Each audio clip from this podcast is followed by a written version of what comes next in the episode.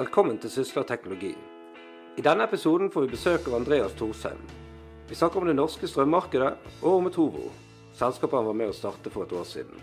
Vi snakker også om det vi virkelig er på jakt etter i denne nye podkasten fra Sysla. Om hvordan ny teknologi er i ferd med å endre næringslivet og samfunnet ellers i et høyere og høyere tempo. En oppfordring før vi går i gang. Fortell gjerne om denne podkasten til venner og kollegaer, og gi oss gjerne en rating i iTunes. Håper du liker det du.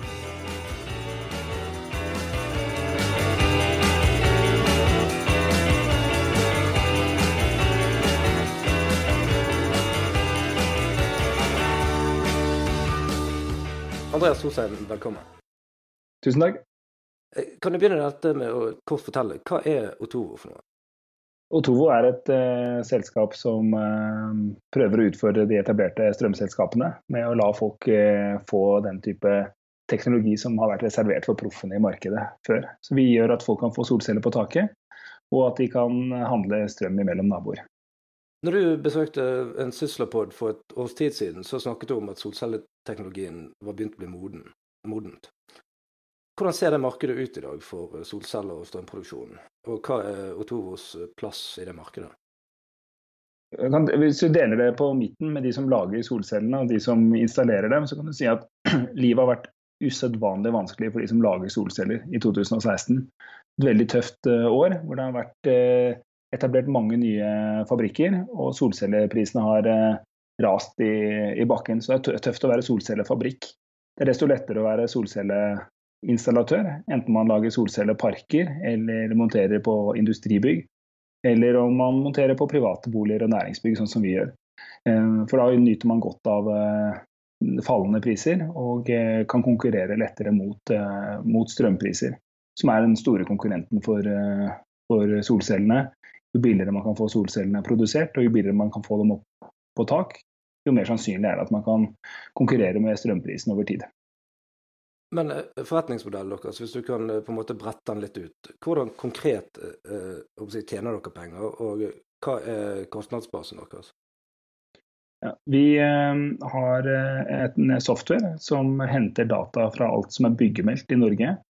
Og basert på, den, på de dataene så bygger vi en 3D-modell av bygningene.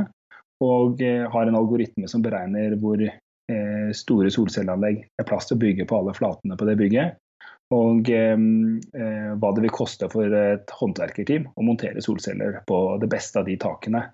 Og så bruker vi den eh, kunnskapen for å gi deg som kunde et tilbud på din adresse. At eh, hvis du får solceller på taket ditt, så kommer det til å koste deg 70 000 kroner. Og med det så kommer du til å produsere 5000 kWt i, året, og da ser regnestykket ditt eh, Eh, slik ut med tanke på hvor mye strøm du sparer og hvor mye CO2 du sparer. Så det er en, det er en veldig komplisert eh, datamaskinbefaring, om du vil. Eh, og det er den fordelen at vi slipper å sende en, en, mann i en bil ut til huset ditt og sjekke om du vil ha solceller. For, for de aller fleste så er svaret nei. Men det er mye bedre at eh, det svaret kommer på ett sekund på, på datamaskinen, enn at man kjører folk rundt. Og pga. den skal vi si, ja, softwarebaserte fordelen, så går det an å være effektiv selv på nordlige breddegrader og med høye håndverkerkostnader. Og, og Hvis du er interessert i det regnestykket vi presenterer deg, så kan du klikke ja, ta meg videre, og så kan du kjøpe solceller på, eh, på taket ditt. Enten ved å betale kontant på en faktura, som noen gjør, eller ved å ha en nedbetalingsordning eh, hvor eh, du betaler ned anlegg over ti år, sånn at den strømregningen din ser likere ut over tid da, enn om du betaler 70 000 kroner ut dag én og så sparer strøm. Det er ikke alle som har 70 000 å legge ut. Så Vi har nylig fått med oss Sparebank1 da, til å finansiere kundene våre eh, og smøre den kostnaden utover. Um, og Det er veldig viktig for oss, for da har vi en veldig liten kostnadsbase. Vi er et uh, team med, med, utviklere og online salgsfolk. Og så har vi kontrakter med installatører over, ja, som dekker rundt 70% av Norges befolkning. Um, og tar ingen kostnader før folk er, er, i gang med å bli kunder. Så pengene strømmer gjennom oss, og så tar vi da en provisjon da, på salgene vi gjør. Ja, for det, jeg tror det var i samme podkasten jeg tror du sa at dere markedsfører sol, dere monterer sol og dere finansierer sol. Det er riktig. Og etter hva du sier, også på en effektiv måte. Men det fremstår fortsatt som en sånn slags arbitrasje. Altså du, du selger en vare i et Nei, unnskyld, du kjøper en vare, og du selger den videre. Eh, og det er jo slik mange også tradisjonelle forretninger er bygget opp. Du har sagt en plass, jeg husker ikke helt hvor, men at på sikt så er det selve kundeforholdet, eller grensesnittet til brukeren, som er liksom det dere jobber mot. Så hvilke type tjenester og hva mer av de er det dere ser for dere å levere på lengre sikt? Det er veldig mye spennende som kan gjøres uh, i det grensesnittet mellom uh, alle apparatene du har i huset ditt og den strømmåleren. Og åpenbart at vi kan gjøre ting smartere enn at det står 2,5 millioner varmtvannstanker i Norge klar til akutt dusjing. Det er, det er liksom det er, det, er, det er, som om nasjonen vår er klar for en akutt dusjekrise og, eh, og, og trenger hundrevis av liter med, med vann på kokepunktet i alle, i alle, hjem. Det er åpenbart en energisløsing som er helt unødvendig. Det er også unødvendig at eh, eh, folk skal få skyhøye strømregninger fordi to elbiler lader på samme adresse samtidig. Eh, som kommer til å være en av konsekvensene når reglene i strømnettet endrer seg neste år. Ehm, så vi tror at det går an, eh, basert eh, på det vi gjør nå først med solceller, og kanskje andre ting med, eh, med å legge en datamaskin knyttet til strømstyringen i hjemmet, kunne gjøre livet litt enklere og regningene litt lavere for, for folk i årene som kommer. Dere har lansert et produkt som heter Nabostrøm. Hva er det for noe, og hva, hva er den kortsiktige effekten det har på kraftmarkedet? Da vi lanserte Nabostrøm, så gjorde vi det man først må gjøre, nemlig å få oss en strømomsetningskonsesjon. Og så gikk vi i markedet med to løfter. Det ene var at vi bare eh, skulle ha ett strømprodukt. Vi aldri skulle lure kundene råve på en dårligere prisplan etter hvert. Eh, og det andre var at eh, vi skulle betale ekstra for overskuddsstrømmen eh, fra de som har batteri eller solceller eller, eller på annen måte har strøm å sende tilbake på, på nettet. Og da vi gjorde det, så satte vi i gang en priskrig mellom oss og det som har blitt ca. ti andre strømselskaper som, betyr, som, byr mer for overskuddsstrømmen fra de som produserer egen eh, kraft. Så Det er den første reaksjonen vi har sett på at vi er i markedet. Og Det er jo gøy. Det er jo en utvikling som svenskene har eh, hatt i noen år. At eh, strøm du selger til nettet, den får du mer betalt for enn du må kjøpe eh, strøm for uh, inn, i, inn, i, huset ditt. Så det er litt det motsatte av å veksle penger med banken. Du får faktisk bedre, bedre kurs. det er bra. Når tror du at deres konkurrenter, de store etablerte energiselskapene, når, når våkner de? Altså, jeg tror, eh, jeg tror, noen av strømselskapene kommer ikke til å våkne. Eh, og Hvis jeg skal spå litt om hvordan strømmarkedet vil utvikle seg fremover, eh, i konkurransebildet, så tror jeg at det er rom for de lavprisaktørene som tar markedsandeler nå, enten de er oransje eller gule. Jeg tror det er rom for at det kan komme inn en enda mer lavprisaktør de er lavpris på samme måte som Norwegian er lavpris, à la Ryanair. Det er rom for å ha et enda billigere strøm. Eh, og De store aktørene med lave kostnader de kommer til å spise seg inn på de kommunale og de små regionale eh, strømselskapene sine kundemasser. og Da får de en positiv spiral, mens de kommunale får en negativ eh, spiral. Så jeg tror det ser veldig mørkt ut for, eh, for strømselskaper fra 15 000 kunder og nedover det er vanskelig å ha nok eh, omsetning til å, til å, lønne det apparatet som må til for å drive et strømselskap eh, når det er så liten. Så tror jeg det er rom for at det kommer noen helt nye aktører som har andre, eh, andre forretningsmodeller og andre måter å, å, skape verdi for kundene på. Og vi håper å være en sånn type aktør. Kunne ta den rollen som Skandiabanken på et tidspunkt tok i bankmarkedet, eller Eh, eller en, ja, en, en, sånn type aktør som kommer inn og, og kiler seg inn mellom veldig store, eh, store aktører.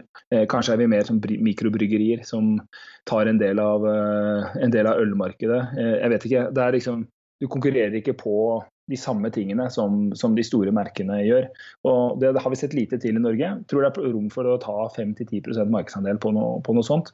Enten fra en aktør som oss, eller, eller på andre konsepter. Eh, og så eh, eh så, ja, så, jeg tror på en massedød av, eh, av små selskaper som ikke henger eh, med. Og så tror jeg på økt konkurranse fra utlandet, fra aktører som ikke hovedsakelig er ser på seg selv som strømselskaper, som kommer til å ha større innvirkning på strømregningen din enn om du velger Ustekveikja eller Gudbrandsdalen Energi eller Fjordkraft eller Lyse. Så det er mange eh, fylkespolitikere og kommunepolitikere som står i faren for å miste vervene sine?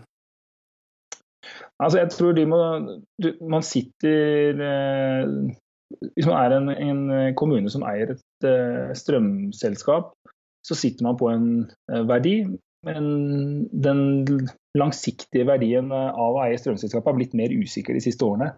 Eh, så jeg ville tenkt at man må tenke seg nøye om om man eh, tror at man kan utvikle den verdien eh, bedre ved at kommunen fortsetter som eier, eller om man skal realisere de verdiene og sette dem i, på et fond eller investere i noe annet for å skape verdi for, for innbyggerne. For det å det å sitte og, og, regne med utbyttene fra strømselskapet sitt de neste ti årene, det tror jeg er en veldig farlig antakelse å ta. Men jeg ser, uh, la merke til at dere har, har startet et samarbeid med, med, Agder Energi og noen av selskapene i den sfæren. Uh, så dere finner tydeligvis sammen med noen av de etablerte. Hva går det samarbeidet ut på? Agder Energi uh, har gjennom sitt venturefond investert i Otovo. Og og vi prøver også ut nå samarbeid med eh, LOS, som er deres eh, privatkundeselskap, om å eh, teste ut om kundene deres er interessert i å få solceller på takene sine. Og Det håper vi mange er. Sørlandet er jo en egnet region da, for å produsere solkraft. Litt som Vestlandet er spesielt godt egnet for vannkraft. Så, eh, så forhåpentligvis så er det mange sørlendinger som, eh, som går inn på Otovo-siden og sjekker taket sitt og ser at her så stråler sola eh, såpass mye at jeg kan spare penger på strømregningen ved å, ved å få solceller på taket. Du sjøl definere Otovo som et eh, strømselskap eller et teknologiselskap, hvis du måtte velge? Ja, definitivt teknologiselskap. Uh, vi har uh, vi har nylig eh, eh, fått eh, inn et, et, ordentlig styre i selskapet vårt. og For oss har det vært viktig å få inn folk som har kunnskap for forbrukermarkeder. Og vi ser også det at de investorene vi snakker best med, de som har bakgrunn fra telekom, media, finans og utfordrer selskaper i, i de sektorene, heller enn en, en banker og investorer som har vært med på å finansiere vannkraftutbygginger og, og vindkraftverk til, til havs. Det ærlig talt så har ikke det så mye til felles med det vi, vi driver med. Og hvis vi går litt inn i det, altså teknologistekken deres, altså, med det mener jeg hvilke programvareløsninger bruker dere, og uh, hvilken av de har dere bygget sjøl? Ja, eh, vi har bygget veldig mye av det, de bevegelige delene har vi bygget uh, selv. Så vi er vel som alle andre, vi, uh, vi beror på, uh, på ferdige komponenter som fins der ute. Så vi, vi, er tunge kunder av, av Google. Det er, det er, mye Google i pakka vår. Det er Amazon Web Services. og så har vi bygd et det som i mangel på et bedre begrep er et et ERP- eller CRM-system som, eh, som, holder styr på hvor kunden er eh, på vei gjennom nettbutikken vår. Og så har vi en, en nettbutikk som vi har eh, bygd på otovo.no, som, eh, som, registrerer adresser, og, og, med en proprietær logikk da, som, eh, hvor vi har lagd en egen eh, modell både for å gjøre den befaringen og for å holde styr på hvilket materiell kunden skal ha sånt underveis. Vi har veldig veldig stor grad av egenbygd eh, teknologi. Dere har bygget CRM-systemet selv også, sa du? Ja. Det er jo si, interessant. Der finnes jo det ekstremt mye altså CRM er da si, forvaltningen av kundene og kundeforholdet og salget og slikt. vil jeg tro. Eh, hva gjorde at dere, hvis du kjenner til det, da, eh, at dere valgte bort de sikkert tusenvis av standardløsningene som finnes? Altså, vi bruker standardløsningene på selve kommunikasjonen. Så vi har Sendesk ja. eh, som, eh, som, eh, som, systemet som holder styr på hvor kundene kommer inn på, på chat og e-post og, og, eventuelle andre kanaler. men bak det så, så, ser vi at det er vi har en verdiflyt som er særegen for oss. og vi vi har, og vi, vi, har skrudd så mye på hvordan forretningsmodellene våre har vært lagd, at det er like greit å bygge sitt eget system. Da. Så i, i, bunn og grunn så kommer en kunde inn som en, en turist som bare har hørt eh, kanskje på, over et festlig lag at det går an å sjekke hvor mye solenergi du kan lage på, på taket ditt. Så går de inn på otovo.no, eh, og så får de opp et, et resultat. Eh, og så Avhengig av hvordan de klikker rundt der, så blir den kunden signalisert som en interessert kunde. Og så vil vi ta kontakt eh, med den kunden i, i online-kanaler og bearbeide han gjennom da, en planleggingsprosess og etter hvert en installasjonsprosess. Og, eh, og hjelpe han også med offentlige søknader og alle sånne type ting. Eh, men vi har hatt behov for å bygge det selv for å ha kontrollen, rett og slett. Så ja. Jeg tror vi ser det mye. Det er jeg, jeg, jeg, tror for mange utviklere nå så er liksom den kampen mellom hyllevare og lage selv, den er eh, eh, det er ikke det interessante temaet. Du bruker hyllevare der du kan, og så bygger du selv der du må. Eh, og du, du ser det på veldig mange startups har egenlagd i hjertet av butikken. Dere har jo vært ute og hentet penger. Hvis du har anledning, kan du si noe fra pitchen dere holdt til investorene? Hva er det som gjør Otovo til en uh, investering som skal gi stor potensielt stor avkastning? Ja, det må jeg si at eh, jeg tror jeg har vært gjennom mange eh, runder på det. Og jeg tror vi skal bruke jeg tror vi skal bruke mer tid på å forberede oss og teste på, teste på noen utvalgte hva storyen skal være, og så stå for den. Heller enn, å, heller enn jeg tror man, man, lett kan være når man er i, i, i møte med investorer. Man er eager to please, da, vil prøve å fortelle den historien folk vil høre. Så De som er mer strømorienterte, så vil man vektlegge strømutfordrerrollen, og de som er mer teknologiorienterte, så vil man vise mer hvor smarte man har vært når man har bygd teknologien bak forhenget. Eh, og så ender man opp med kanskje ikke å være tro til storyen sin. så eh, for, for, å være ærlig så har jeg liksom bestemt meg for å legge bak meg de tingene vi sa da. Det, det er eh, det å, å, å, reise penger for et selskap det er sånn som å, å være selger. Det er, eh, du er ute og skal selge den aksjen. Og, og eh, på, på, det tidspunktet så var det jo Eh, så var det mer uklart hva Otovo eh, skulle være og, og, hvordan vi skulle nå dit. Så vi prøvde nok ut for veldig mange forskjellige eh, typer måter å ordlegge ambisjonen vår eh, på. Så tror jeg vi er litt mer, mer modne og renskårne nå. Så når vi skal legge frem Otovo nå, så er det, tror jeg måte, storyen har følgende komponenter. Det ene er at det er et stort marked. Strømmarkedet i Norge alene er på over 300 milliarder eh, kroner. Eh, så det er, en, det er, en, premie det er verdt å konkurrere med, eh, konkurrere for. Eh,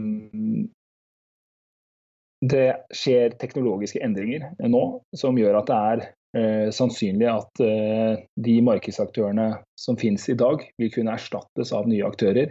det er den fantastiske utviklingen i solcellepriser som gjør solenergi konkurransedyktig. og så er det muligheten til å bruke data for å gjøre online befaring, som gjør en tradisjonell håndverkerjobb om til noen ting som en eh, datamaskin eh, kan gjøre. Og Da kan man kutte kostnader som solcellebransjen i andre land har hatt for å få solceller opp på taket, eh, og dermed klare å gjøre solceller lønnsomt også i nordlige eh, strøk. Det, så det er måte, det som beskriver muligheten. Og så er det naturlig at man har en passasje som forteller hva det er man gjør selv. Dette er, eh, dette er magien eh, vår, og den bør gå gjennom de hovedtemaene. Vi markedsfører Sol. Vi har en online salgsplattform som overbeviser folk om at de skal ha eh, ny teknologi i huset sitt.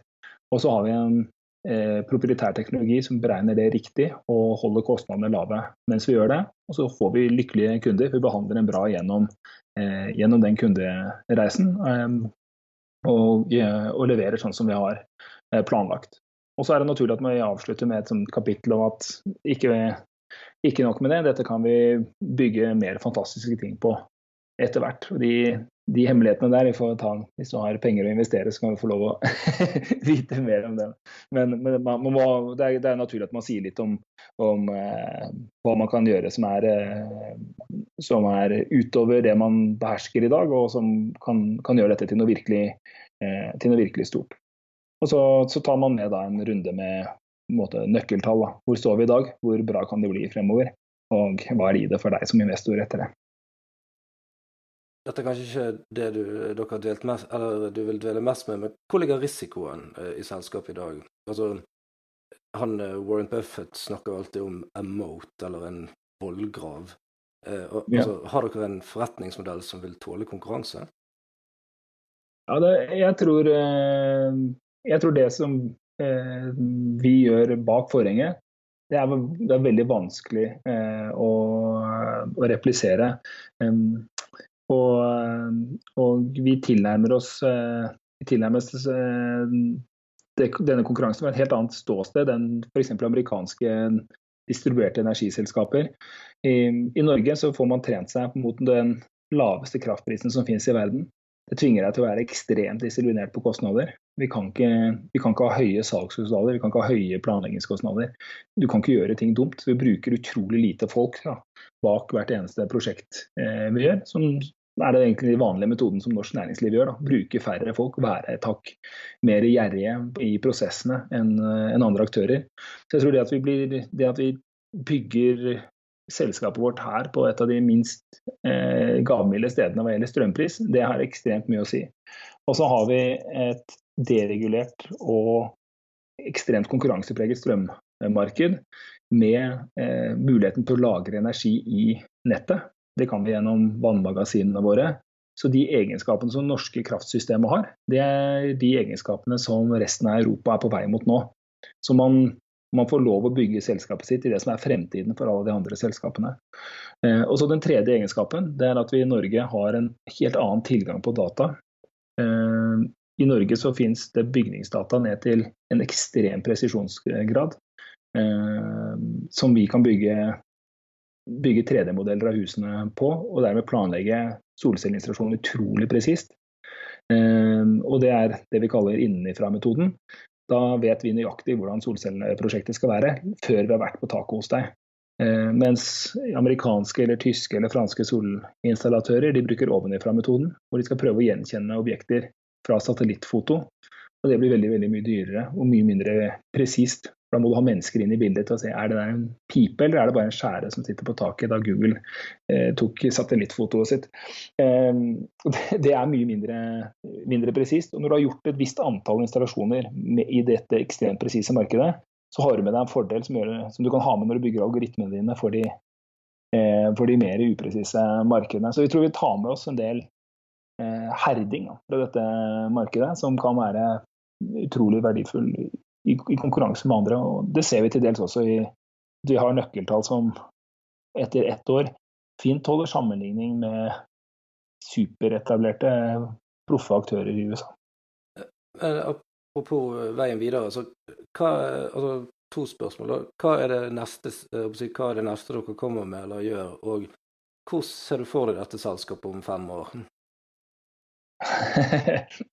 det er Eh, eh, det siste spørsmålet er litt sånn eh, det er, det er, vanskelig å svare på. Vi har jo noen, har noen målsetninger og noen, noen drømmer. og eh, Internt så snakker vi om store ting, selvfølgelig. Og så er det eh, tror jeg det er litt sånn som gode idrettsutøvere. De vet at de har det målet, og så tenker de på neste trening og neste konkurranse underveis. Da. Så vi prøver å prøver ikke ha liksom, blikket festet mot eh, eh, dominans i mange markeder eller børsnotering eller en viss verdsettelse og sånne type, sånne type temaer. Det tror jeg ikke er liksom sunt å gå rundt og tenke på i hverdagen. Men, men vi håper jo at eh, vi skal være et selskap som er i en helt annen divisjon enn en, startup og Det er hyggelig det prosjektet du har, Andreas. Kategorien da, som vi, som vi vet at vi er i nå. Men dere, dere ønsker å være i flere markeder innen den tiden? Ja, det, det, det syns jeg vi må ha som ambisjon. Det er, det er, Norge er et flott marked, og strømmarkedet i Norge er ja, ta, en, ta en parallell. Strømmarkedet i Norge er større enn strømmarkedet i hele verden for musikk. Så det, liksom, det er bra å være konge i Norge også, eh, men, eh, men det, er ekstra, det er jo ekstra interessant hvis man kan bygge selskaper som kan bevege seg over eh, Svinesundbrua. Um, tenkte og nå på slutten ta litt annen type spørsmål. og Du uh, begynner med, altså du har jo vært um, si, eller du har jo jobbet i en del uh, interessante, store selskaper, og nå holder på sjøl. Og i, si, i, arbeidslivet eller forretningslivet, hvilken person vil du se på som, din, som har vært din største inspirasjonskilde, om noen, og hvorfor? Hva, hva, tenker du på? En, eh, en, eh, sjef eller en kollega, eller mer en person som man ser i offentligheten, som man går og, det, går og beundrer? Det kan du, det kan du velge sjøl. Um, jeg vet ikke om jeg har en person eh, Jeg har, jeg har selvfølgelig veldig mange velsignet med mange flotte sjefer som har gitt meg ansvar tidlig, og sånt, og det tror jeg er helt avgjørende for å kunne utvikle seg eh, bra. Jeg tror ikke jeg nevner noen navn, ingen nevnt, ingen glemt. Men jeg skal nevne eh, altså det, For, for fire-fem år siden så begynte jeg å lese vesentlig mer eh, av andre ting enn å lese avis og og styrepapirer. Og, ehm, og, begynte å lese en del av eh, litteraturen om og, om og for eh, venturebransjen i USA. Og eh, da var det en bok som hadde veldig innvirkning på meg. Det er eh, Ben Horowitz sin eh, 'The Hard Thing About Hard Things'. Den, eh, den gjorde ganske inntrykk. for det er i motsetning til de fleste ledelsesbøker, så er det en sånn no, no bullshit-fortelling hvordan du skal behandle folk eh, når du har noe dårlig å fortelle dem, og hvordan du skal behandle folk når du har noe bra å fortelle dem. Hva som, en, hva som skiller en god produktsjef fra en dårlig produktsjef. Helt ned i de måte, Skal han ta notater i møte, eller skal han ikke ta notater i møte? Eh, og, og, formidlet med en eh, troverdighet som bare kommer når du har hatt alle de rollene, og prøvd ut i selskaper som har mm, tidvis gått bra og tidvis gått, eh, gått dårlig. Eh, og det for meg var det en inspirasjon til å måte koke ned det litt eh, eh, eh ja, ordrike og flinkis-profilen jeg hadde eh, før, til å prøve å være litt mer, eh, litt mer konkret og rett på sak. Er... Det kommer kanskje ikke til syne i en podkast. Men han, Horowitz er vel inspirert av Andy Grove, den tidligere Intel-sjefen, som har vel også en, ja. noen lignende bøker der de disse ingeniørene er ekstremt konkrete på hva du skal gjøres for å lykkes. Ja, så High Output Management, da, premieboka til, eh, til, Andy Grove, det er, også en, det er en klassiker som dessverre er litt vanskelig å oppdrive, men som er verdt å lese. Den eh, eh Superkonkret. Du driver en restaurant, du skal servere kokte egg og varm kaffe. Hvordan gjør du det? Jæklig presist. Eh, bok fra 1983. Det tåler eh, tidens tann meget godt. Kan godt eh, leses av de som er eh, lederspirer i dag. Absolutt. Nå har du nesten faktisk besvart neste spørsmål, som jeg da har rappet fra en uh, amerikansk podkast med flere lyttere enn denne.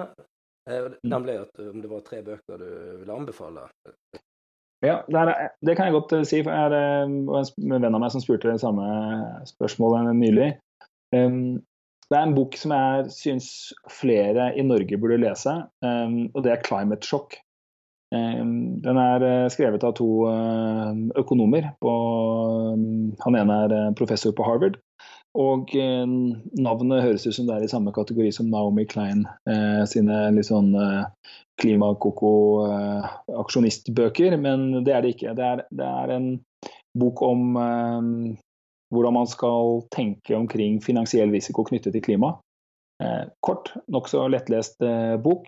Superbra enten man er i tvil om man skal bry seg om miljøsaken, eh, eller eh, helt sikker på hvor man står i miljøsaken. Eh, om man skulle være i en eierposisjon i oljeselskaper eller bo i en nasjon som har mye av inntektene sine fra fossile energikilder. Det er superviktig bok å lese. Så 'Climate Shock' nummer, nummer én. Så holder jeg på å lese en annen bok som heter The Planet Remade. Eh, tar utgangspunkt i samme fortellingen, eh, men har et mye mer negativt syn på hva, hva man bør gjøre. Det, det, er egentlig budskapet. Gi opp klimakampen, begynn å tilpasse dere. Eh, her er et par ting vi kommer til å gjøre, folkens. Eh, og hvis man hvis man syns det er interessant, så kan man jo bare bruke plastposer og fyre med kull. Eh, hvis ikke så kan man legge om til et litt annet regime. Eh, det er to superbra klimabøker eh, som eh, eh, har hvert sitt syn på, på, hvordan man skal møte klimaendringene. Veldig godt researchet og, og kunne brakt masse kunnskap inn i klimadebatten. Og så, ja, Jeg kan slå et slag på Hard Thing About Hard Things. Jeg. Det er en, det er en knallbok, det. Skal du si at Fjerde, Sleng inn i fjerdeplass, får jeg lov til det? Ja, kjør på. Second Machine Age. Eh, det er jo ja, eh, McAfee og Erik Brynjølsson. Eh, den eh, var veldig hot for tre år siden. Eh, men det er en bok som eh, tåler å bli lest også nå når den ikke er hot. Selv om ikke det er NHO-årsmøtetema i år, så er det det er en bok som får deg til å tenke litt om hvordan man skal forholde seg til sosiale endringer hvis maskiner gjør mer av de jobbene som vi alle gjør i dag. Og, og også forklare litt hvorfor dette kanskje er litt annerledes tid enn da ja, enn 80- og 90-tallet. Da skal det sies at, at eh, for småbarnsforeldre med altfor lite tid eh, som ønsker å fortsette å lese, så er det du som tror jeg fikk meg inn på sporet om å kjøre lydbok på dobbel hastighet. Trikset er bare, ja. trikset er bare å høre etter, så man faktisk får noe med seg. Man må høre, man må høre etter. Man må høre etter. Ja. Andreas Storsheim, tusen takk skal du ha. Tusen takk, Sturle. Jeg heter Sturle Rasmussen. Ordet sysler er norrønt for business. Vi Sysler synes næringsliv er både viktig og kult og det er det vi lever av. Vi er nå på jakt etter en journalist eller to til for å dekke de viktigste bransjene i Norge på en moderne måte. Ta kontakt med Marit Holm på marit1sysler.no hvis dette er noe for deg.